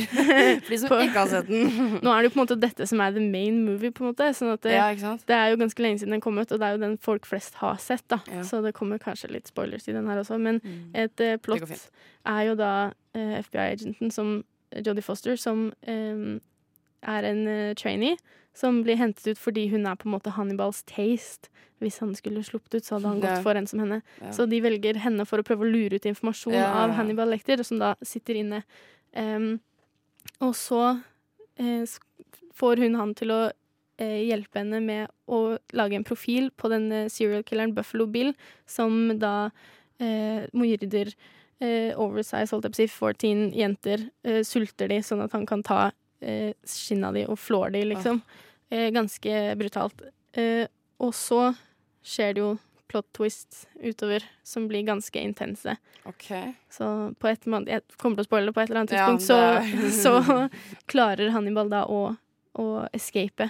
Og det, han er liksom en av de verste verstingene Ja. i verden Ja, på det ja. tidspunktet. Så, og han er jo helt sinnssykt smart, og vi får på en måte se veldig sånn I den første filmen så sier han jo em, Så sitter de og snakker Hannibal, og han FBI-agenten sitter og snakker, og uh, Hannibal spør liksom hvordan klarte du å fucke meg da jeg er jo mye smartere, og liksom legger opp til at han er sånn genial, og så sier han But you've got one disadvantage. You're insane. Så han klarer liksom å si at jeg vinner. Jeg kommer alltid til å vinne over deg fordi du er gæren. Mm. Mens i den andre filmen så er det veldig Hannibal Lekter som er den smarteste. Han, er, han kommer til å vinne, og han vinner liksom flere ganger. Men føler du at de eh, kanskje romantiserer han mer i, i Silence of the Lambs? Siden han plutselig er så smart og fantastisk og et geni, på en måte. I forhold til De prøver å døve han litt Mm. i, i Manhunter. Og er litt sånn ja, han er gæren, liksom. Men Ja, jeg syns jo på en måte filmene har to forskjellige måte, ståpunkt. Sånn som I den første så er det veldig han FBI-agenten vi følger som er hovedkarakteren, og som har en utvikling og sånne ting. Og så er eh, Hannibal på en måte bare en sånn side character som hjelper han litt. Eh, mens i denne filmen så er det på en måte Hannibal Lecter som er hovedkarakteren, og som er den du følger, som er den du er mest spent på hva skjer med. Eh, så ja, kanskje. Men Silence of the Lives' er jo en mye større suksess enn Manhunter, som vi snakket om. Men hvorfor tror du den er så sykt mye bedre?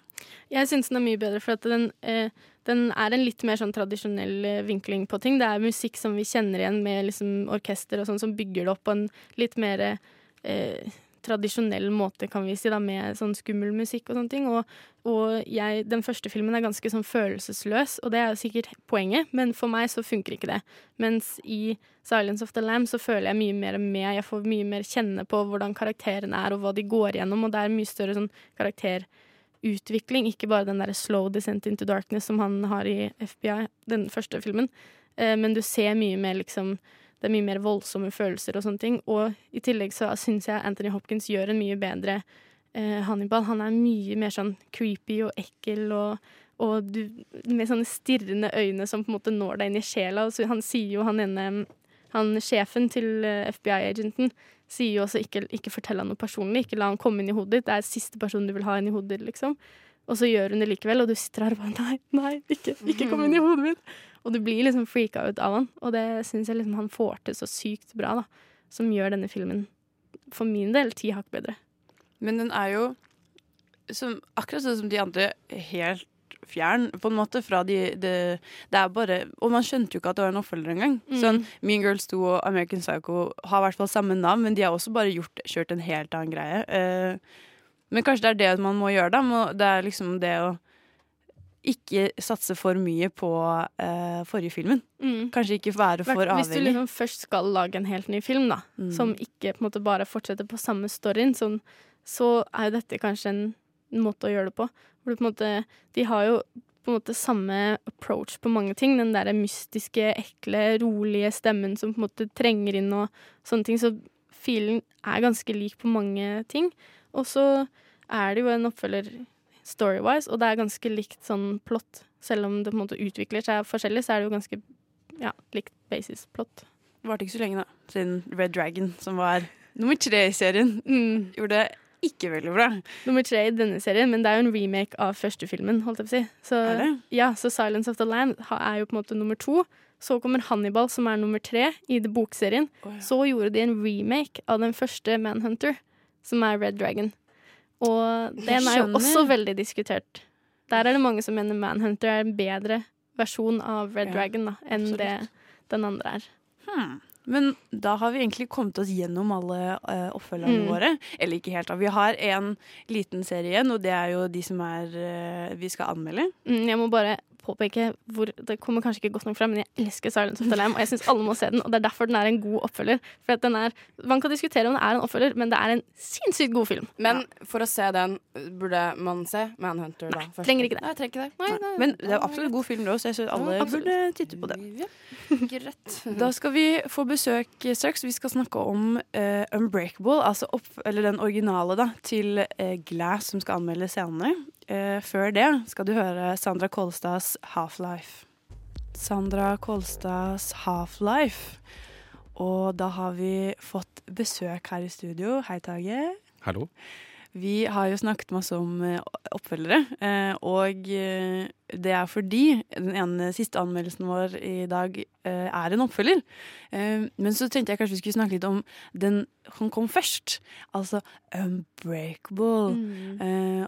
Som handler da om eh, det er eh, Bruce Willis som eh, plutselig er i en ulykke, togulykke, og så er han den eneste som overlever. Og han er ingen, ikke skadet i det hele tatt.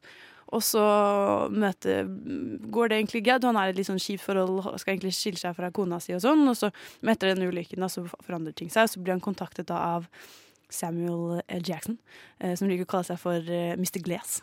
Eh, og han er jo overbevist da, om at eh, Bruce Willis er et eller annet spesielt. Og du har sett den, Tiger. Hva syns du om Unbreakable? Uh, Unbreakable. Um, jeg syns det var en god film. Det er veldig lenge siden jeg egentlig har sett den. Jeg tror jeg så den når den kom ut for første gang i 2000. Og så jeg vet ikke om jeg har sett den så mange ganger etter det. Har sikkert sett den.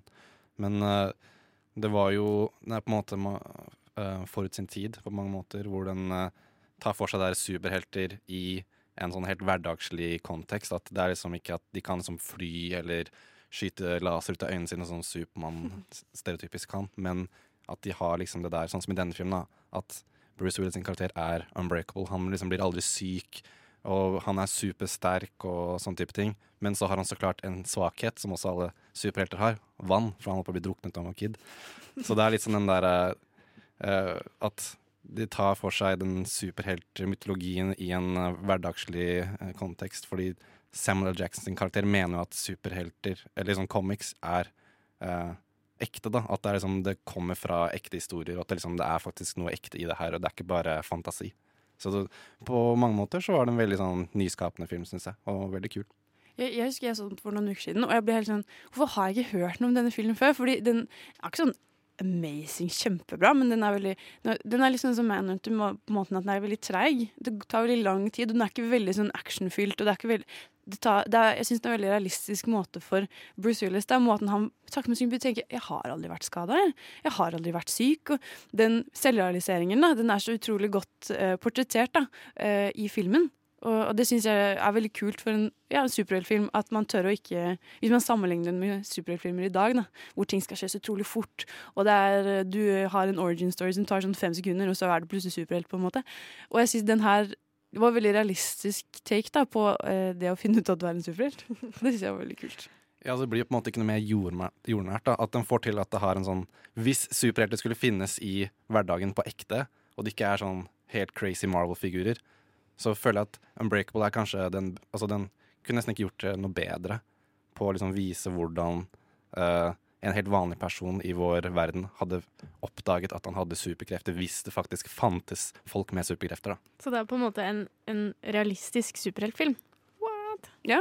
Ja, med liksom uh, disse relasjonene sånn far, sønn, uh, mann, eh, kone.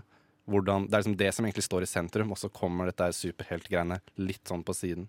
Så det syns jeg er veldig kult med den. Men er det sånn som For det, det, vi høres jo ut som det er litt sånn som med 'Silence of the Lamb' og 'Manhunter', at det er en, en prequel som egentlig er den originale, som ikke veldig mange har hørt om? Eller er det bare fordi den, jeg var veldig liten da den kom ut, at jeg ikke har hørt om den? Jeg tror kanskje det, fordi at uh, dette er jo andre filmen til M. Night Shyamalan, og han hadde jo sånn helt sykt hype rundt seg etter uh, Den sjette sansen. Ah, ja. Og den var jo sånn veldig sånn Oh my god, den store twisten, og folk var sånn her Hadde ikke sett sånne her plot twist-filmer gjort på den måten før. Så det lå veldig mye sånn her hype rundt Unbreakable. Og jeg, jeg tror liksom at Unbreakable har liksom forsvunnet litt etter med årene under radaren, da, så har den blitt litt sånn kultfilm, og folk har blitt sånn her Å, jeg syns Unbreakable er den beste filmen til Shamanan, ikke Sixth Sense. Det Skal liksom være litt sånn kule og ikke digge Sixth Sense, for den er liksom alle elsker den. Så folk er sånn Nei, faktisk er det Unbreakable som er den beste filmen hans. Så den har blitt litt sånn. Men hvorfor tror du det har tatt så lang tid at det har kommet en oppfølger? Det er jo eh, 19 år siden. er det ikke det? Det er jo ganske lenge siden. Ganske lenge siden. Nei, det kom jo som en sånn overraskelse, da, for at uh, Split kom i 2017. Og i sånn mini-spoiler-warning, men jeg føler ikke det er en spoiler lenger, for det er sånn nå alle veit det er, er at helt på slutten av Split så er det en sånn derre attpåklatt-scene som gjør at man Oh shit! Det som skjedde i Split, er i samme univers som Unbreakable. Og da ser du alle de der sånn filmhipsteren og alle de kule kidsa som digga Unbreakable, bare Oh my god, det er shared universe!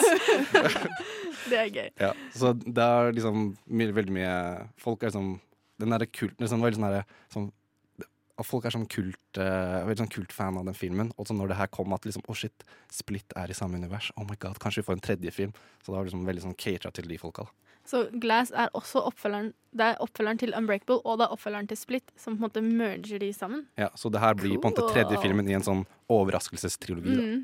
Ja, altså Unbreakable, eh, og det er veldig spennende å se hvordan da oppfølgeren faktisk ble. Vi skal ta en liten pause, men, eh, og da skal du få høre Blue Lights med Jorah Smith. Blue Lights eh, med Jorah Smith, og nå er det tid for Nova Noirs andre og siste kinoanmeldelse.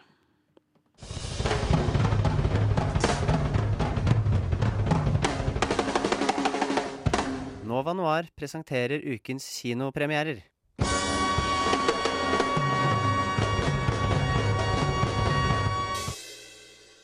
Glass, det er den du skal anmelde, Tage. Glass. Yes, det stemmer.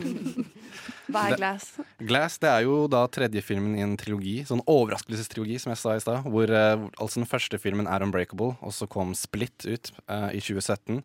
Som hadde en Altså, det var veldig sånn god, uh, godt bevart hemmelighet at den hadde en, faktisk noe med Unbreakable å gjøre. Uh, tok verden med storm, eller filmverden med storm. Og da er altså Glass, den tredje filmen i denne trilogien, hvor det da Glass er navnet til eh, altså skurken i Unbreakable, spilt av Samuel Jackson, som er en sånn derre ganske skjør, bokstavelig talt eh, beinskjør fyr, som også er et sånt eh, ondt geni. Og eh, i denne filmen så eh, havner alle tre i et sånt eh, mentalt eh, psykiatrihjem for folk som har mental illnesses. Og eh, det er altså en eh, doktor der som stiller spørsmålet er de superhelter, eller er de folk med forstyrrelser. I'll tell you a secret. I want to believe in real life superheroes. Like every kid in the world. But I'm still waiting. And yet, we exist. Convince me. Some of us don't die with bullets. No way. Some of us can bend steel. What do you want? I need your abilities to get us out of here.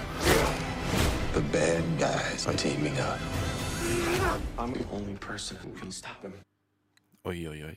Og jeg hadde ikke sett traileren før jeg så den filmen her, og jeg, jeg syns den har, fikk den til å virke mye mer eh, cheesy enn den egentlig er. Fordi eh, jeg føler at filmen er basert veldig sånn i eh, virkeligheten, men eh, den blir jo, kanskje i kontrast til Unbreakable, så blir den her litt mer karikert. For du har jo da figurene, eller karakterene fra Unbreakable, som er eh, Bruce Willis, som spiller David Dunn, som er en fyr som oppdager i Unbreakable at han har eh, superkrefter, altså at han er sterk og vil bruke det til å bekjempe kriminalitet. Litt sånn Batman-aktig. Og så er det i Split, hvor James McAvoy spiller en eh, Kevin Crumb, som har blitt misbrukt av moren sin, og da har utviklet sånn 23 splitta personligheter. Og alle disse personlighetene tilber en 24. personlighet som de kaller for The Beast. Så det blir jo på Og eh, i denne filmen så er alle tre eh, endt opp i et eh, mentalt sykehus. Og det store spørsmålet som stilles i filmen, er jo er disse folka her bare mentalt syke, eller har de faktisk eh, eh, krefter da, som er eh, litt bedre enn det de vanligvis har? Men husker når jeg fant ut det at Split er, henger til med Unbreakable, så ble jeg så overrasket, for det er to vilt forskjellige filmer, og de er bare laget på helt forskjellige måter også. Så Unbreakable er en ro... Eller det tar så lang tid, men Split er jo veldig sånn veldig action og ting. Ja, eh, hvordan klarer han Hvordan fungerer det i Glass? Er det en blanding av det, eller er det en enten-eller, eller? Nei, det blir sånn at man får på et vis sett Altså, det starter litt med at man eh, blir introdusert til Bruce Willis sin karakter igjen, hvor han og sønnen spilte av samme skuespiller som i Unbreakable, så det var gøy. De har på en måte teama opp og er litt sånn eh, Han er han er den som går rundt og fighter folk, mens han er liksom man in the chair som sitter og forteller han å, du må Google Maps og du må gå dit, og du må gjøre det, og så har han sånn mikrofon på seg som de kommuniserer og sånne ting. Så det er sånn et godt sånt uh, far-sønn-dynamikk. Og hvor da um, eh, Kevin, altså spilt av James McAvoy, har igjen kidnappet noen, som han gjorde i Split, fordi han trenger unge, uskyldige jenter for å feede til The Beast. Og eh, det starter litt med at, her, eh, at han jakter på eh, The Beast, holdt jeg på å si, Kevin. Eh, og så ender de opp eh, i dette sykehuset, da, fordi det blir eh, Noe skjer, og så må de ende opp der. Eh, og så hele filmen er på en måte en, slags sånn dynamikk mellom eh, denne psykologen eh, Skal vi se har jeg notatene her. Spilt av Sarah Paulson, hun er søsteren i Bird Box, hvis dere har sett den. Hvor hun eh, på en måte skal liksom kurere det, for hun er helt overbevist at dere er bare mentalt syke, mens de er, har klart å overbevise seg selv om at de har eh, krefter over den, som er overnaturlig. da. Jeg får veldig sånn uh, X-Men-vibes av den filmen. Det hjelper jo ikke at uh, James McAvoy sitter der også, og som du sa, at, at um, han ene ville trengte kreftene til noen, eller noe sånt. Noe og da fikk jeg også veldig sånn Magnito i den første X-Men-filmen-vibe. Eh, er det Ja, greia er at uh, um, Det er jo litt vanskelig å snakke om den filmen uten å spoile altså Unbreakable eller Split, for at dette er jo en oppfølger hvor du må ha sett begge. Absolutt må ha sett både filmene for å egentlig få noe ut av denne. Og den tar seg ikke noe tid til å forklare hva som har skjedd i de forrige filmene egentlig heller. Syns du det er dumt? Um, altså, jeg har jo sett begge, men jeg må innrømme at jeg var litt sånn her Å, shit, hva var greia med altså Kevin, altså James McAway sin karakter igjen? Fordi han har jo mange personligheter, og jeg hadde jo, husker ikke i huet mitt hvilken av personligheten som er den som han faktisk han er, da. Men Jeg husker at jeg ble Jeg visste ikke at det skulle være en superheltfilm med så eh, splitt. Så jeg husker jeg ble, jeg ble veldig irritert over at de liksom køddet med det at han er schizofren og sånn. Og jeg syns det ble veldig vanskelig. Hvordan syns du de håndterer sånn mental helse eller sånn? Ja, jeg føler de kødder veldig mye med det. Ja, altså, det, altså du kan jo Du kan jo se på det med litt kritiske blikk, men det blir jo litt sånn at du må tenke at dette her skjer i en verden hvor det faktisk finnes folk med overnaturlige evner, da. Mm. Så er det på en måte mental lidelse, eller er det at han eh, har klart å fått en eller annen sånn superkreft, superkraft? Så man må liksom se det med det, de øynene, føler jeg. Mm, Det er jo kanskje et godt stikk sånn til eh, sånn positivt sett da, til eh, de som driver med mental helse og sånne ting. At det, at det, fordi her så blir det veldig lagt opp kanskje til at det, det er ekte. Det, de har disse kreftene og sånne ting, og så sitter det en psykiater der og prøver å si at det, er ikke det. Og kanskje det, ja, kanskje det er et eh, stikk i riktig retning da, til psykisk helse og sånn. Det er mulig. Men eh, i forhold til andre superheltfilmer, hvordan stiller den seg ved siden av? Syns du den er interessant nok til å Ja, altså det som den her på en måte snur hele greia litt på hodet, for at her blir det litt sånn at dere at De liksom tvinger folk som både, både de tre hovedkarakterene og oss som sitter og ser på, uh, for å liksom vurdere har dere superkrefter, eller er det bare, har dere bare vrangforestillinger. Så det er jo det store spørsmålet man sitter og, uh, sitter og tenker på, og det er det som på en måte er drivkraften i hele filmen. Eh, Jeg syns den starta veldig bra, sånn spenningsmessig. Veldig kult. eh, Og liksom, det liksom føler at du leder opp til at disse karakterene skal faktisk møtes for første gang. Og det var det jeg liksom gleda meg mest til. Eh, Men jeg følte at når de, liksom, når de havna på det her sykehuset, så ble det veldig mye sånn Veldig mye sånn forklaring og sånn Dere tror dere er superhelter. Og veldig sånn Det liksom overforklarer superheltmytologi hele tiden. Og jeg føler at i en verden, altså vår verden, hvor Marvel er liksom superkjent, og alle veit hva superhelter er nå, for det er, så, det er så mye av det. Kommer sånn seks superheltfilmer i året. Vi vet hva det her er for noe. Så jeg følte det var litt sånn irriterende at han skal liksom overforklare superheltmytologi så sykt. Sånn der, ja, dere tror dere er sterke, og så har dere en svakhet, akkurat som superhelter, men liksom Vi vet det her, så du trenger ikke å forklare til oss. Jeg føler at sånn, De bruker mye tid på å forklare til folk som ikke har peiling. da. Altså, For det gir egentlig ikke mening at de skal drive å forklare til de folka i filmen hva eh, superhelter er for noe, for det virker så rart. De vet jo kanskje det, holdt jeg på å si, de som sitter der. Ja, absolutt. Men om du skulle gitt en karakter, da? Eh, for meg, da, altså Filmen blir veldig treig etter hvert. Jeg syns at det, den bruker veldig mye tid på å egentlig ikke gjøre så mye rart. Eh, det er mange karakterer som henger igjen fra andre filmer. For eksempel eh, eh, Anja, Anja Taylor-Joy sin karakter fra Split er jo også med og har en rolle, men har ikke så mye å gjøre. Og det som jeg likte med Unbreakable, er at det har liksom kanskje tre karakterer som har, sin, har fokus på de. Samme Split, fokus på kanskje to-tre karakterer. Mens i denne her Glass så blir det så utrolig sånn smørt tynt ut, da. Så da blir det på en måte ikke et godt fokus. Og jeg kan også si at uh, måten det slutter på, var veldig sånn utilfredsstillende. og Det er veldig lite action og veldig mye prat som egentlig ikke leder noe sted. Så jeg satt ganske lenge og kjeda meg, egentlig. Og det er mange sånne småting og plotthull som jeg blir sånn åh, Mm. det her er så teit. Men liksom, så tenker jeg, er det bare jeg som syns det er plagsomt, eller er det liksom noe som alle kommer til å irritere seg med når de ser filmen? Så for min del så var den ganske sånn midt på treet, men jeg sitter egentlig litt mer med negative følelser til filmen enn positive. Selv om det var mye, mye bra også, sånn visuelt og skuespill. Veldig mye bra skuespill. Men jeg tror jeg vil ende på med en øh, fire av ti. Fire av ti! Wow! Jeg sånn satt tenkte fire eller fem av ti, for den var liksom sånn der, noe er bra, men mye er ikke bra. Så det er veldig sånn midt på treet, egentlig. Og så er det en film som kanskje vil underholde mange, og de som liksom har sett Unbreakable og Split, og føler at liksom, da må de egentlig se den her, bare for å se hvordan det ender. da. Men for min del så likte jeg ikke hvordan det endte i det tatt, så jeg gir den fire av ti. Spennende. Fire av ti da, til Glass. Og da er vi snart ferdig med sendingen vår, men eh, før vi tar avslutningen, så skal du høre Sugar med Og ikke? Med Aura and eh, The Molecule. Da brøt vi egentlig bare den sangen for å si ha det, fordi vi har ikke så veldig god tid igjen. Men i dag har vi snakket om oppfølgere. Vi har snakket om Mean Girls NO2 American Psycho NO2 som du ikke skal se, fordi eh, altså oppfølgerne, fordi ja. de er dritt. Den du skal se derimot, er Manhunter og Silence of the Lambs. Vi har også fått eh, anmeldelser av eh, Tage Tollefsen, eh, som ga fire av ti til Glass, og Miriam Folland, som ga åtte av ti til The Favourite. Så se Glass, eh, og eh, se alle de originale, for det er gode filmer. Eh, jeg har vært eh, Ina Sletten. Sammen med meg i studiet har vi hatt Helje Svensson på teknikk. Eh, Hedvig Bø eh, og Liv Ingrid Bakke har vært sammen med meg her i studio.